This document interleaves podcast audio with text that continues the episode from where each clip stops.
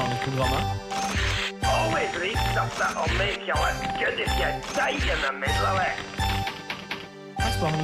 radio. Etter å ha lukket datamaskinen og slikket bort spermen fra hånda mi, stirrer jeg som vanlig bort på bjørkebladene utenfor vinduet. De har allerede begynt å bli gule. Som ubetalte regninger de ligger i en bunke på kommoden i gangen og minner om høst. Morgener. Jeg hører naboene som dusjer, spiser frokost. Går ut av dørene sine, nesten alltid de samme lydene, samme tid, de er klokker bak veggene. De går for å bytte arbeidskraften sin mot pusten de fyller lungene med. Jeg holder pusten. Drar på meg buksene. Reiser meg opp fra stolen og vet et øyeblikk ikke hvor jeg skal gå. Blir stående midt i hybelen, veksler mellom å stå på den ene og den andre foten. I begynnelsen føltes det som et stort og luftig rom, dette, men hver dag har taket senket seg noen centimeter, det kan jeg banne på. Og snart må jeg bøye nakken for ikke å stange i det med hodet, og så kommer knekken i knærne, og gradvis vil jeg presses ned mot gulvet, mot støvet, som et menneske i bønn, men som ikke reiser seg igjen etter å ha underkastet seg. Jeg ser mot gulvet, tenker støv, tenker mor som nå er støv. Noen dager hender det at jeg bare setter på radioen og legger panna mot kjøkkenbordet. Sitter sånn i timevis og hører på den ene sendinga etter den andre. Bare en sjelden gang iblant kommer det noe som interesserer meg, som reportasjen om forplantningssystemet til glassmaneter.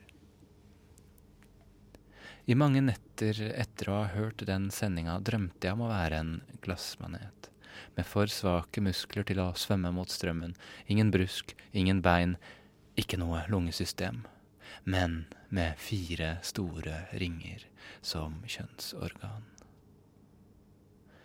I mitt forrige liv var jeg en glassmanet. I mitt neste liv kommer jeg til å bli en glassmanet.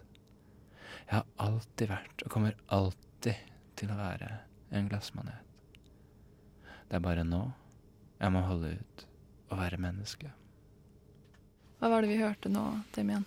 Eh, det var begynnelsen av eh, min siste roman, 'Subrosa'. Men det vil si, det er egentlig ikke den eneste begynnelsen. Eh, den har to begynnelser. Eh, det er fordi at den eh, har to fortellinger som begynner i hver sin ende av boka. Så dette er en av begynnelsene man kan like greit begynne på den andre siden av boka å lese. Så, ja. Hvorfor har du valgt å gjøre det?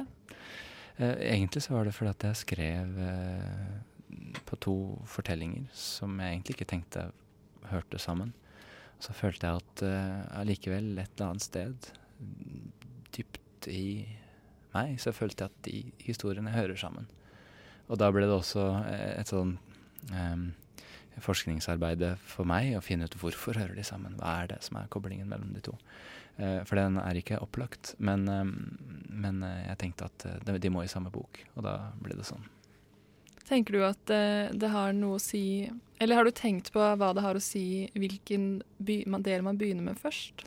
Ja, selvfølgelig. Eh, og samtidig så liker jeg ikke å ha helt oversikt. Akkurat som jeg har ikke oversikt over en, altså en vanlig bok, vil man heller ikke ha oversikt over hvordan leseren leser det. Altså det er jo en veldig stor forskjell om man ligger på en strand eh, på Mallorca og leser boka, eller om man sitter i fengsel og leser boka, eller man leser den på morgenen eller kvelden, om man leser den som 18-åring eller 70-åring. Så, så, vi har ingen kontroll som forfattere, og, og dette her gjør det kanskje bare enda tydeligere. Det gjør det enda tydeligere at leseren har ansvar for sin egen lesning, og skape sitt univers ut av det.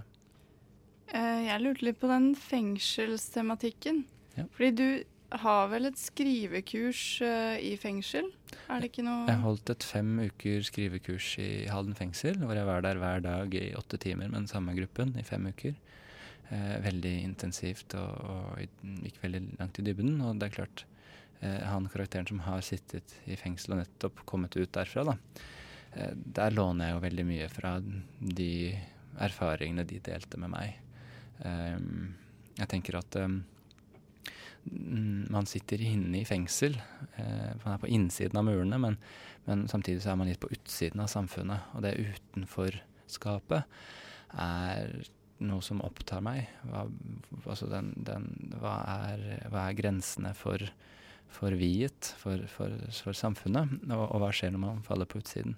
Og det er mye av det som også er tematikken i boka. Når man er kastet ut og er en satellitt rundt, rundt uh, jordkloden, på en måte. Um, og, og, og, ikke lenger en del av den. Um, og, og, det vet de som sitter i fengsel veldig mye om. Og på mange måter så følte jeg meg på en merkelig måte hjemme med dem når jeg satt og holdt skrivekurs der. Mm.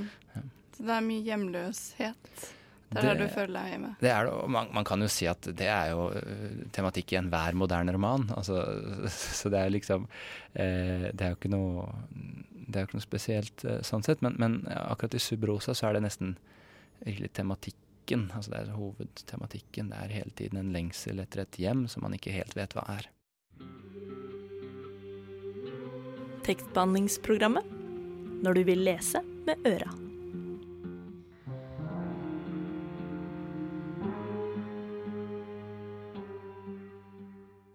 Jeg leser Subrosa, så tenker jeg også litt på Urak. I måten den er skrevet på. Om at eh, historiene står hver for seg og handler om forskjellige folk. Og har på en måte ikke sånn i utgangspunktet noe til felles, men så har de det allikevel på en sånn måte jeg ikke helt klarer å sette ord på, men som eh, er veldig tydelig, da. Jeg lurer på hva, hvorfor gjør du det? Hva er det du gjør? Ja, det er et fint spørsmål. Eh, altså Urak hadde jo tre eh, deler. Det var debutromanen min. Og der eh, var det sånn at tanken var at hver eh, hver del blør over i den andre. Smitter hverandre. Altså at man legger eh, språklige eh, besmittelse. Altså at ord, et ord blir ladet og, og, og, bærer smitte med seg. Så når det ordet kommer i en annen fortelling, så trigger det noe bestemt. Det trigger en, en form for lesning. Så, øh, og, og, det samme gjør jeg på, på, på et vis i, i, Subrosa nå. Det er disse to fortellingene som, som, hele tiden som informerer hverandre, som vrir hverandre og vrenger hverandre. Og jeg tror at øh, det jeg er mest opptatt av, er, er, ikke bare en fortelling, men altså mellomrommet mellom fortellinger. Hvordan fortellinger influerer hverandre. Så hvis vi kan si sånn at det var en tid da man hadde de, de, store narrativene, og så var det en tid da disse skulle brytes ned med en eller annen form for ironi osv., så, videre, så er vi kanskje nå i en tid hvor vi prøver å forholde oss til historien, men, vi, vi er, men, men ikke til den ene eh, eh, vanntette fortellingen, men, men hvordan fortellinger påvirker hverandre. Mellomrommet mellom fortellingene. At det er kanskje det som er spennende. Litt kollasjearbeid? Ja, måte, at ting står og skurrer mot hverandre? Det kan du godt si. Eh, eh, skjønt jeg vil kanskje eh, si at her er det egentlig, de er egentlig ikke satt i samme ramme engang. Det er nesten to bilder med separate rammer, men som er satt ved siden av hverandre. Og mellomrommet mellom dette vil mellom disse to eh, bildene, da, hvis vi skal eh, bruke den metaforen, er, er, det som interesserer meg. Og jeg tenker liksom hvordan, hvordan vi hele tiden, med en gang vi, etter at vi har hørt en historie f.eks. Om, om en eller annen eh, pedofil som har, eh, har tukla med en unge på en barnehage, da er jo vi livredde og tar, drar til barnehagen med en gang og røsker barna våre fra barnehagen. Så én historie blir med en gang, tenker vi med en gang at det vil også skje i min barnehage. ikke sant? Så det er sånn, Historier smitter hverandre hele tiden. Og, og den besmittelsen mm, tror jeg egentlig sier noe om, om, hvilke mekanismer som opererer inni hodet, og hvordan vi eh, opplever historier, og dermed hvordan vi opplever verden. Altså, jeg leste jo to ganger i boka, så har du skrevet urak. Prøver du å smitte Sebrosa litt med den forrige romanen? For det er jo ikke et ord man bruker så ofte. Og så tenkte jeg også på tematikken uh, in, incest-tematikken. Så jeg lurer på om det Prøver du også å sette bøkene i sammenheng? å sette bøkene i sammenheng tror jeg er noe som jeg lar andre gjøre. Men selvfølgelig så er det, de er begge en del av mitt indre liv, mitt indre univers. Det er ting som går igjen. Bilder som, som eh, går igjen. Akkurat det med at jeg bruker ordet urak, som jo er en neologisme, det motsatte av rak, altså være eh, lut. Eh, akkurat jeg bruker det i Subrosa, er mer en lek. Det er mer en sånn hilsen til eh, min forrige roman, liksom. Så det er mest lek å betrakte som. Men, men når det kommer til, eh, til spørsmålet om om, om incest, så tror jeg eh, egentlig ikke jeg prøver å tilføre noe incestspørsmål eller sånt noe. Jeg tror det, det Grunnen til at jeg bruker det bildet altså Den ene gangen så er det en far og en datter, og den andre gangen er det en, en, en sønn sitt forhold til sin mor i Subrosa, altså. Um, og jeg tror det som er, er viktig for meg, er altså at dette er de nær, næreste relasjonene vi har. Jeg er opptatt av den fremmedgjøringen, å være på utsiden og være på en måte um, føle seg utenfor. ikke sant? Tenk hvis de menneskene som er aller, aller nærest, plutselig um, får sånt, uh, en sånn følelse av, uh, av noe pervertert. Uh, altså, hva hvis de næreste relasjonene perverteres? Hvem har vi da? Hvor er hjemme da? Hva har vi da å, å klamre oss fast til? Ingenting. Bare oss selv. At det er den ultimate ensomheten eh, som er knytta til, til den, det incestuøse. Eh, når, man, når, man, betviler relasjonen til sin aller, aller nærmeste. Eh, og så På den måten så vil jeg si at, at det, det, dreier seg mer om den ensomheten, den ultimate ensomheten, og dermed også hjemløsheten. Men er det mer eh, fremmedgjørende å ha en pervertert relasjon enn å rett og slett kutte relasjonen? F.eks. å vokse opp uten en mor eller far, i stedet for å ha et uh, forvrengt forhold til dem? Ja, det tror jeg. For at når du ikke har noe, Selvfølgelig er det også en, en, en tragisk skjebne å være i, men, men, da du vet litt hva du har å forholde deg til. Altså, eh, problemet er hvis du, hvis du har noe som er gjenkjennelig, som du oppfatter som, som hjemmelig, eh, så blir det plutselig eh, det Freud kaller anheimlich, nettopp. Altså at, at, noe kjent plutselig blir ukjent og fremmed det er da det mest skremmende som fins. Det, det, det, setter oss i eh, total krise. Det er jo et mareritt. Um, samtidig så er det på mange måter eh, det som, som, kjennetegner vår tid, at vi er en veldig uh, kastet ut i stor, stor, ensomhet av ulike grunner, som vi har bygd opp samfunnet osv. Og, og, så det er også noe som speiles rent politisk i vår tid. da. Eh, ja. Så jeg vil kanskje si at vi lever i en pervertert tid. Tekst, tekst, tekst, tekst, tekst, tekst, tekst, tekst, tekst, tekst, tekst, tekst, tekst, tekst, tekst. Hvordan er skriveprosessen? Um, ja, jeg, når jeg holdt på å gjøre ferdig Urak, så begynte jeg allerede å planlegge neste roman og hadde uh, flere og flere ideer om hvordan uh, min neste roman skulle være og sånn. Jeg er veldig glad når den var ute og endelig kunne begynne på noe nytt, og liksom begynne på denne boka. Og så begynte jeg å skrive på denne ideen, da. Og syntes det ble sånn ganske middelmådig. Um, så begynte jeg på nytt, den samme ideen, og det ble fortsatt middelmådig. Og sånn holdt jeg på, jeg tror det var 14 utkast jeg hadde. Hvor lenge er det siden du begynte? Eh, dette er for Det var to, litt over to år siden. Um, og da, da, satt jeg et eller annet sted i Sogn og Fjordane, uh, faktisk. Var der på sommeren og, og, skrev alle disse middelmådige begynnelsene av den ene etter den andre. Det var bare dårlig alt sammen. For det var fordi jeg visste hva det skulle være. Um, og, og, det er ikke riktig for meg. Så da gikk jeg en tur i, i, opp på fjellene der og gikk meg vill og endte opp i ei myr. eh, og eh, kom tilbake og missa ferja, så jeg måtte eh, ringe noen og få lånt en nøkkel da, fra noen som kjente noen som kjente noen som kjente. Så fikk jeg da være i et hus der over natta. Og eh, Så kom jeg tilbake og begynte da å skrive på en mann som våkner i en myr og ikke vet hvor han skal, og ender opp da med å eh, finne en gammel dame som bor i et hus i skogen.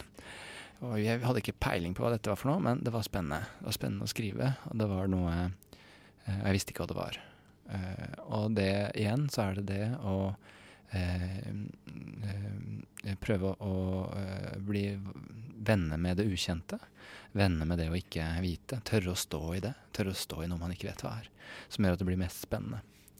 Og så eh, var det også sånn at eh, da kunne jeg konsentrere meg mer om det språklige. Da var jeg ikke hele tiden opptatt av hvor historien skulle videre, ikke sant. Eh, da kunne jeg fokusere på den, den språklige utformningen. Og det er mitt hjerte veldig nært. Det er det språklige og det litterært spesifikke som interesserer meg, som er grunnen til at jeg skriver en roman og ikke et filmmanus, f.eks. Men du skriver ganske mm, ikke abstrakt, men du på en måte antyder veldig, veldig mye i Kanskje spesielt i Urakt, men også i Subrosa. Hvor mye av det perverse tror du ligger i leserens egen fantasi? Alt. Altså, det er, en, det er jo et minefelt, selvfølgelig. og Jeg er klar over jeg, at jeg, jeg er spekulativ i forhold til, til leseren. Jeg skal ikke legge skjul på det. Men, men jeg syns det er interessant når, eh, når uh, noen lesere sier at den boka er så forferdelig. Så sier jeg men det skjer jo ikke noe forferdelig i boka, egentlig. Og da ser de litt sånn Ja, ja, det er sant. Det skjedde visst i mitt hode. Og, og, og jeg, det jeg kanskje er mest opptatt av, er mm, eh, å la leseren møte seg selv eh, med, gjennom boka. Det er kanskje det, det, det, Hvis jeg får til det, da er jeg veldig fornøyd. At leseren ikke bare leser boka, men også leser seg selv. Leser sin egen lesning. Forholder seg til hva som skjer når man leser. Eh, og da tror jeg man vil også ha de mest, de, de mest interessante eh, mm, lesningene av boka. Særlig Urak, men, men det gjelder også da Subrosa. Um, mm. Det, jeg, jeg lurer litt på når det kommer til lesninger, fordi alle har en lesning. Eh, hvordan har du Altså din egen lesning av denne boka, har du din utfyllelse? Har du din historie? For jeg tenker hvis du ikke hadde visst hva som foregikk denne, bak denne boka i ditt hode, da, så hadde jo kanskje fortellingen falt sammen. Hvordan, hvordan klarer du den balansen mellom å legge føringer, men ikke for mange, og samtidig også opprettholde historien, samtidig som man ikke skal si for mye? Ja, det er et fint spørsmål. Eh, Jeg, jeg, egentlig så, så er det sånn at eh, bak begge disse to romanene, 'Urak' og 'Subrosa', så er det noe veldig veldig personlig og veldig, veldig spesifikt som jeg jobber med. Og som jeg ikke vet hva er før jeg har skrevet boka ferdig.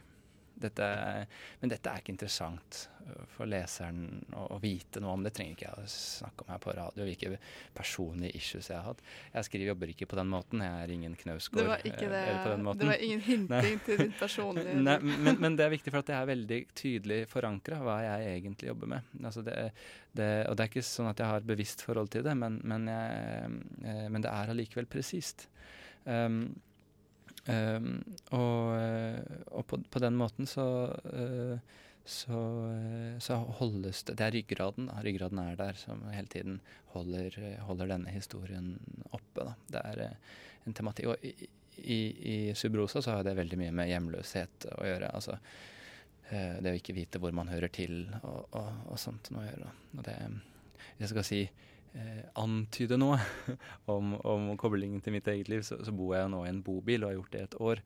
Sånn at det det er jo helt klart at det er, det er en ting som jeg er opptatt av, og som er, har et anker. Gir det noe Altså, gir det noe stemning, noe ekstra til boka, tror du, å faktisk bo i en bobil? Altså, det ville vært annerledes hvis du bodde i et hus? Ja, helt klart. Og det er klart at uh, altså uh, Man skriver en roman Jeg skrev den her over to-tre år. Em, og man støvsuger jo hjernen sin for inntrykk. Og, så det man kom, får inn i huet, det kommer jo ut igjen i litteraturen. Så hvordan man lever er helt imperativt for hvordan man skriver. Og derfor ser jeg det nesten som en ja, faktisk en en plikt å leve annerledes, oppsøke andre perspektiver som forfatter. Da. Jeg mener det, det er helt nødvendig. Fordi hester leser deg som en åpen bok.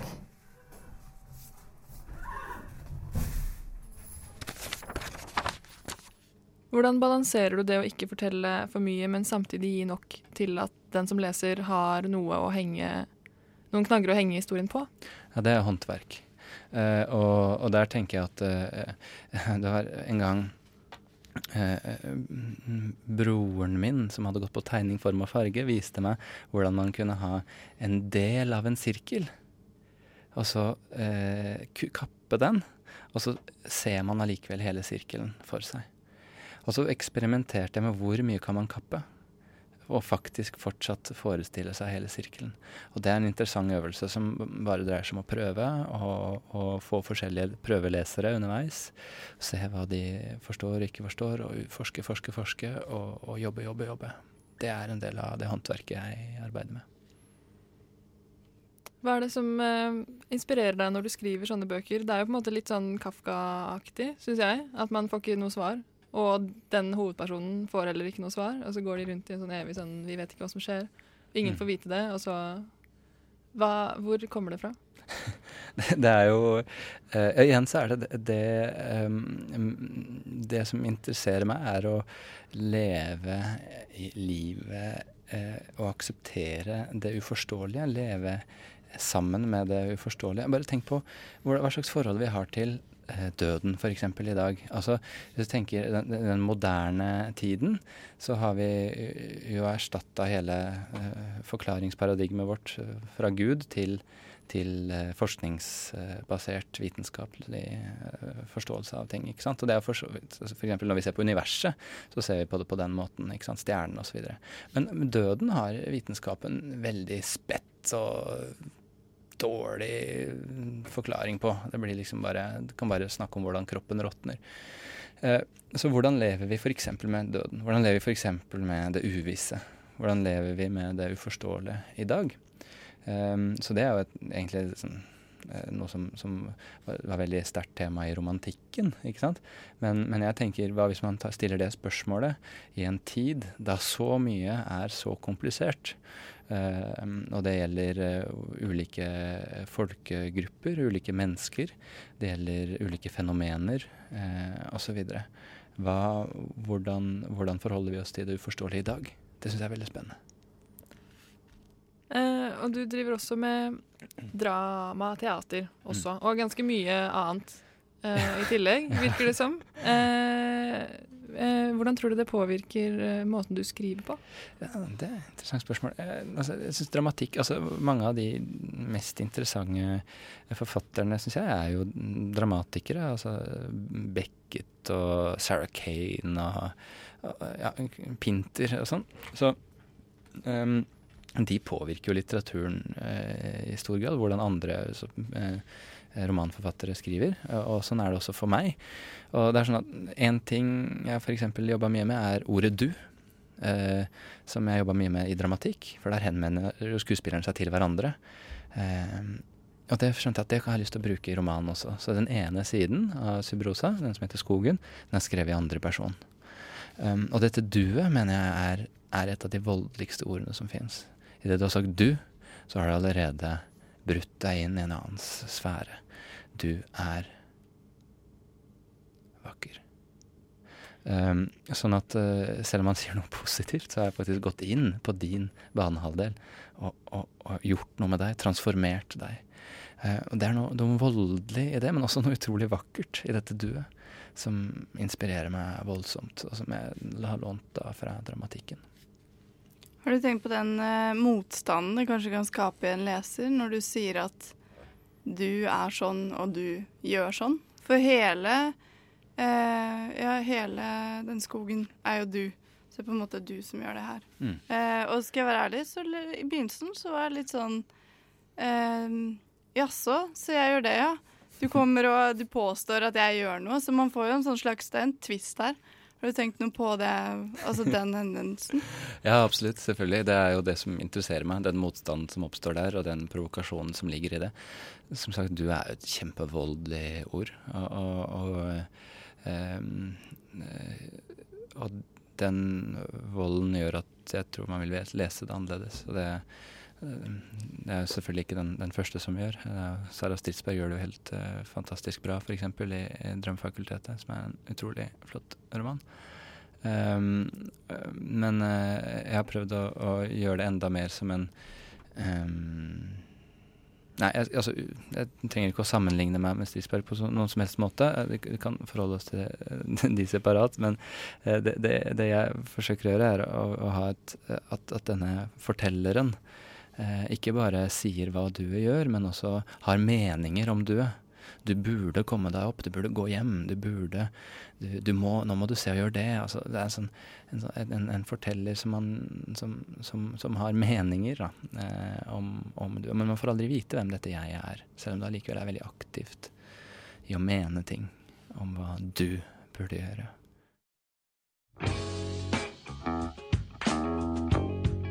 Det var alt vi hadde for i dag. Takk for at du har hørt på tekstbehandlingsprogrammet her på Radio Nova denne fine onsdagsmorgenen. Vi kommer tilbake i neste uke, samme tid. Mitt Samme navn er samme sted. Mitt navn er Marie Vallestad. Og jeg er Maiken Bortseth. og du har hørt på tekstbehandlingsprogrammet.